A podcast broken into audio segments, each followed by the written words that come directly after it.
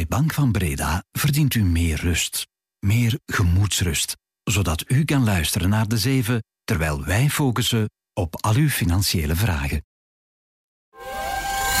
Welkom bij de Zeven van de Tijd. Elke dag om 7 uur. Onze blik op de zaken in 7 punten. Dit is Bert Rijmen. Goedemorgen. De Vlaamse regering heeft in de loop van de nacht voor de derde keer een stikstofakkoord bereikt. Wat zit daarin en zal het deze keer wel stand houden? Ondernemers die groen willen investeren kunnen dat binnenkort doen met een grotere investeringsaftrek. Wat betekent dat voor jouw bedrijf? En het Business Angels Network Vlaanderen is op weg naar zijn 500ste investeringsdeal. Ondanks de hoge rentes wordt 2023 een topjaar. Hoe kan dat? We vragen het aan de CEO. Het is dinsdag 14 november. Welkom.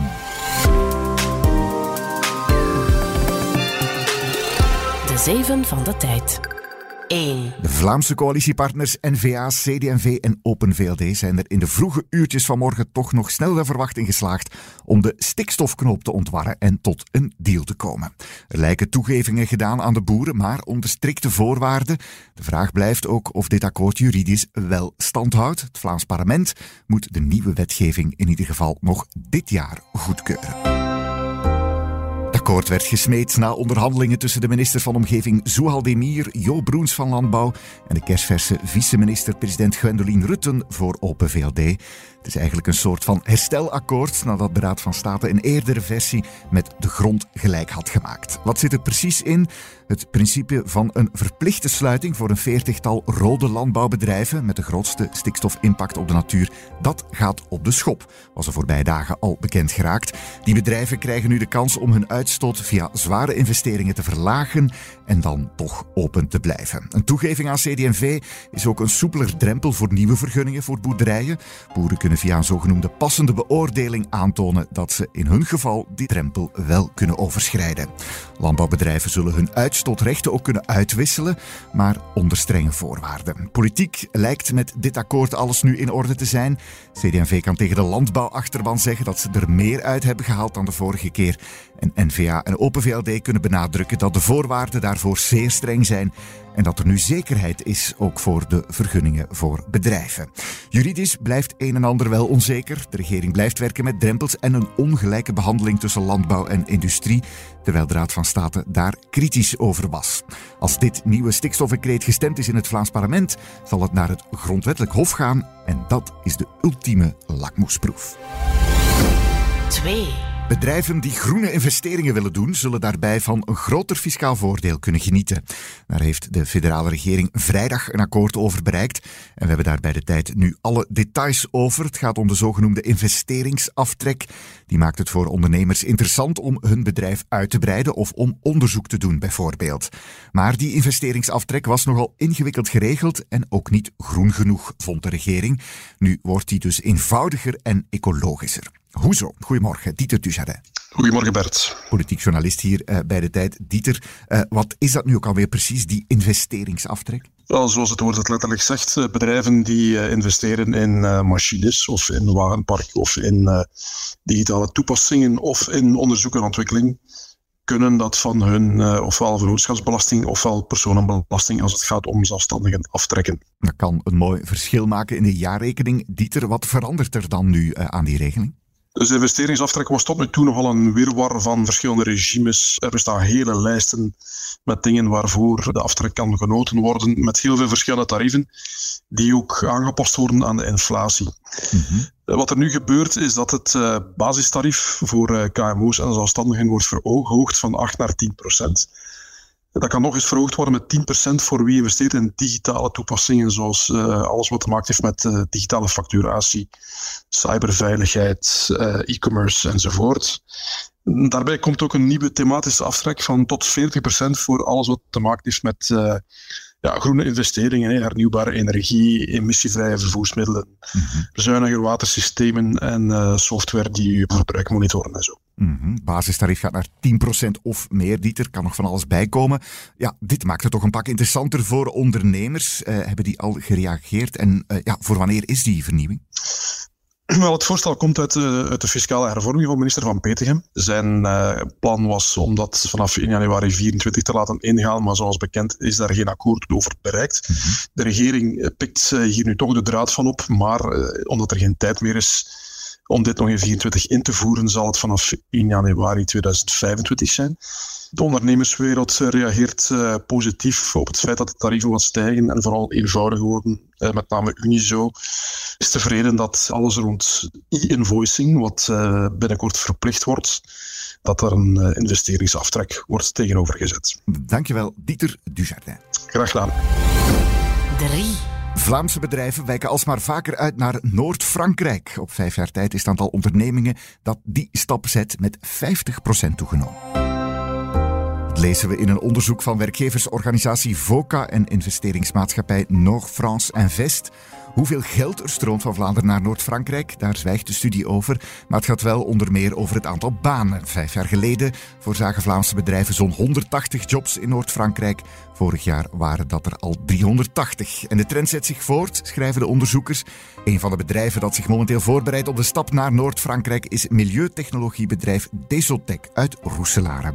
CEO Julie Sandes. In België blijf je altijd zitten bij iedere investering met het NIMBY-syndroom natuurlijk. De ruimte is ook veel dichter bevolkt. Dat probleem stelt zich niet in Frankrijk. We hebben daar heel veel grond kunnen bemachtigen. En als we dan vergelijken met de mogelijkheden die daar zijn in de toekomst, uh, zien we gewoon dat er veel meer mogelijkheden zijn om in die industriezone eigenlijk aan de slag te gaan. Het gaat dus niet alleen om meer ruimte, het gaat ook om het ondernemersklimaat in Noord-Frankrijk. We hebben dan in contact getreden met Frankrijk en met de autoriteiten daar om op de juiste grond te vinden. En wij hebben wel gemerkt dat zij heel erg openstaan voor het aantrekken van Vlaamse bedrijven. Je merkt dat zij zelf support en ondersteuning willen bieden om ons aan boord te hebben en om ons leven zo gemakkelijk mogelijk te maken lokaal. Het gebrek aan ruimte, de krappe arbeidsmarkt, het haperende Vlaamse vergunningenbeleid en het ondernemersvriendelijke klimaat van de gretige Fransen is wat de meeste bedrijven die naar Noord-Frankrijk trekken noemen als redenen een wake-up call voor onze beleidsmakers, zegt Foka. 4. Er trekken donkere wolken over Volkswagen. De Duitse autobouwer broedt op een crisisplan waarbij duizenden banen geschrapt worden en de lonen dalen. In totaal moet er 10 miljard euro worden bespaard. Dat heeft VW-baas Thomas Schaefer afgelopen weekend gezegd in een interne bedrijfspodcast. Dat is nu komen bovendrijven.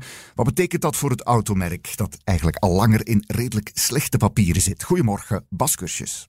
Goedemorgen Bert. Expert uh, voor de autosector hier bij de tijd. Uh, Bas, wat heeft Schaefer precies gezegd? Ja, hij heeft uh, nog maar eens eigenlijk allerlei sombere taal uitgeslagen. Hij heeft al eerder gezegd dat er allerlei problemen waren, maar nu was hij toch wel extra somber. Ja. Hij zei bijvoorbeeld dat Volkswagen, dus het merk Volkswagen, op veel vlakken niet meer concurrentieel is. Te traag, te sloom, te complex. Nou, en volgens Schaefer kan Volkswagen op deze manier niet overleven.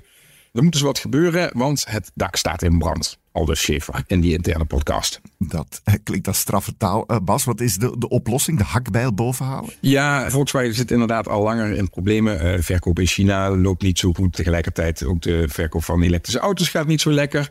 De operationele marge die moet omhoog en die moet uh, verdubbelen naar 6,5% bij Volkswagen. Mm -hmm. En om dat te bereiken uh, gaan ze uh, flink besparen. En dat gaat zo'n 10 miljard euro moeten zijn. En de grootste, belangrijkste maatregel daarvan is bij het kantoorpersoneel van Volkswagen. Daar zou 20% van de personeelskosten omlaag moeten. Voor een gedeelte met een loonbeperking. Maar uh, als je weet dat Volkswagen ongeveer 14.000 mensen aan kantoorpersoneel heeft dan kun je al snel concluderen dat het misschien wel 4 tot 8000 banen zou kunnen gaan kosten. Dat gaat pijn doen, Bas. En het is ja, de zoveelste tegenslag in die Maleise uh, voor Volkswagen. Gaan ze zich nog wel kunnen herpakken? Ja, dat is de vraag natuurlijk. Aanstaande uh, vrijdag is er in ieder geval een raad van bestuur van de Volkswagen Groep in Wolfsburg, mm -hmm. waar de zaak bekeken wordt. Maar het is wel duidelijk dat de nood aan de man is bij Volkswagen. Want ja, je ziet het ook in de kwartaalcijfers die ze uh, tot nu toe dit jaar steeds hebben gepubliceerd. Die vielen eigenlijk steeds tegen. Je ziet de koers van, uh, van Volkswagen, die in een jaar tijd al flink onderuit is gegaan. En tegelijkertijd zie je zowel Tesla het bijvoorbeeld heel erg goed doen. Je ziet ook steeds meer Chinese merken in Europa opduiken. Dus uh, ja, Volkswagen gaat echt wel moeten ingrijpen om te voorkomen dat ze een vogel voor de kat zijn. Dankjewel, Bas Kursjes. Met veel plezier, Bert. Wat wordt vandaag nog nieuws? Dat is het nieuwe inflatiecijfer in de VS. Het Amerikaanse ministerie van Arbeid publiceert dat deze namiddag. Belangrijke update ook voor ons in Europa. Voorkennis. Economen verwachten goed nieuws. Een terugval van 3,7% inflatie in september naar 3,3% in oktober in de VS. De eerste daling in vier maanden. Het is iets wat de Fed, de Amerikaanse centrale bank, nauw in de gaten zal houden. Want die mikt op 2% inflatie en probeert daar te geraken door de beleidsrente zo nodig te verhogen. Door die rente te verhogen remt de centrale bank al te zotte koopwoede af, waardoor de prijzen minder snel stijgen en de inflatie dus zou moeten afnemen. De Fed was even gestopt met omdat het de juiste kant op gaat. Maar als de Amerikaanse inflatie nog te lang te ver boven die 2% blijft, komt er misschien toch nog een renteverhoging. En dan zal de Europese centrale bank daar misschien ook toe geneigd zijn. We houden het in de gaten. 6. Het Business Angels Network Vlaanderen, kortweg BAN. Je hebt er misschien nog nooit van gehoord, maar het bestaat deze week 25 jaar. En ondanks het moeilijke economische klimaat met hoge rentes, hoge onzekerheid, stevend het Vlaamse investeerdersnetwerk in zijn kwart eeuw jubileum af op een record toch wel trots. 25 jaar geleden was dit toch wel echt pionierswerk. En uh, ja, we hebben kunnen volhouden. Reginald Vossen is de CEO van BAN. Wij gaan, denk ik, een topjaar neerzetten qua aantal deals en qua geïnvesteerd bedrag. Ja, de cijfers die wij momenteel bij BAM Vlaanders neerzetten, zijn toch wel cijfers die eigenlijk in heel weinig andere regio's in Europa geëvenaard worden. Dus daar zijn we trots op. Om precies te zijn klokt BAN binnenkort af op 500 start-ups waarin angel investors via netwerk geïnvesteerd hebben. En het grootste aandeel van die 500 is dus van dit jaar een record. Wij zitten normaal op een frequentie of een ratio van 25 à 30 deals per jaar. En uh, met nog een beetje jaar te gaan, zitten we heel erg al in die buurt. En ook qua geïnvesteerd bedrag denk ik dat we uh, vlot over de 5 miljoen heen gaan, wat voor ons ook een uh, absolute historisch record zou zijn. Um, dus ik denk dat het vertrouwen bij de business angels in jonge startende bedrijven zeker nog wel groot is. BAN draagt heel jonge start-ups voor aan investeerders of VC's. Start-ups die echt nog niets hebben. Vossen noemt het, liefdevol en met alle respect natuurlijk, de kleutertuin wil je natuurlijk als VC in een hogere klasse dossiers zien komen. En dat noem ik dan de lagere school of verderop zelfs de, de middelbare school, de humaniora. Je hebt de kleutertuin nodig hè, om natuurlijk, de kleuterschool is nodig om dossiers tot aan die fase te brengen. En daar vervullen onze business een fantastische rol. PAN heeft zo al enkele kleuters richting universiteit geholpen. Neem nu cloudbedrijf Destiny of telecomspeler CityMesh, dat binnenkort de nationale markt opgaat. Maar niet elke kleuter geraakt erdoor. Ja, je moet toch tellen dat ongeveer drie op de tien dossiers fout aflopen. Dat mag niet verwonderen. We spreken over heel jonge dossiers. Vaak is het businessplan nog maar net uit de pen gevloeid. Dus in die zin uh, is er nog heel veel risico aan die dossiers verbonden. En eigenlijk is dan 7 op 10 slagers best wel een goed cijfer. Daarom helpt Banzen Angels Investors om niet al hun eieren in één mandje te leggen. Het grootste probleem waar ze nu mee kampen is dat er te weinig uitkopers zijn voor de 7 op 10 start-ups die het wel halen. Die studeren dus af van de kleuterschool, maar kunnen niet verder omdat er geen overnemer wordt gevonden. En eigenlijk zou dat systeem naar de toekomst toe nog wat meer uh, mogen doorloop kennen, zodanig dat middelen die door de business angels gerecupereerd worden uit investeringen door te exiten, opnieuw in de economie, opnieuw in uh, nieuwe andere startbedrijven zouden kunnen geïnvesteerd worden. En dat je eigenlijk een revolving systeem kent van uh, investeren. 7. Dan nog even naar iets cools dat we hier bij de tijd hebben gemaakt. Een interactieve pagina over satellieten. De miljarden-economie boven ons hoofd. Je scrolt er door heldere illustraties en animaties waarin je het verschil ziet tussen geostationaire en low-orbit satellieten. Tussen Elon Musk, Starlink en al de rest en nog veel meer. Tijdredacteur Stefanie de Smet werkte samen met ons datateam om de interactieve pagina te maken. Zij vertelt waarom je hem niet mag missen. Omdat het vooral een groot verschil is tussen ik die jou zeg, er zijn 8000 satellieten in een baan rond de aarde en dat gewoon gevisualiseerd zien. Zeker als we dan weten, er zijn er nu 8000 en dat is in snel tempo aan het toenemen. Maar wetende dat we over 10 jaar aan 100.000 zullen zitten. Dat alleen al, die economie die daarachter zit, om dat gevisualiseerd te zien, dat leek ons de moeite. En dat is het ook op naar 100.000 satellieten, de miljarden-economie boven ons hoofd. Check de interactieve pagina in onze app of op tijd.be. Dat was het voor vandaag. Nog even reclame maken. Ik vertelde je gisteren al over Finance Avenue komende zaterdag. Maar weet dat dat meteen ook het startschot is van de Beursrally, onze online beleggerswedstrijd. Altijd alles een rits gedurfde beleggingen willen doen zonder enig risico te lopen, dan is de beursrally perfect. Het kost helemaal niets. En als je het goed doet, maak je onderweg kans op een van de vele weekprijzen. En uiteindelijk misschien zelfs de hoofdprijs van 10.000 euro. Vanaf zaterdag dus, maar je kan je nu al inschrijven en beginnen oefenen op beursrally.be. Morgen een nieuwe De 7. Nog een heel fijne dag. Dit was De 7 met Bert Rijmen. Productie door Roan van Eyck van op de redactie van De Tijd. Een recensie in je favoriete podcast-app doet ons veel plezier. Heb je feedback? Stuur het gerust naar podcast.tijd.be. Morgen zijn we er weer. Tot dan! U verdient meer peren. U verdient meer anticiperen. U verdient meer anticiperen van uw financiële partner, zodat u ten alle tijde rustig kan blijven, ook als de beurs haar peren ziet. Ook u verdient meer Bank van Breda. Professioneel en privé. Bank van Breda. Enkel voor ondernemers en vrije beroepen.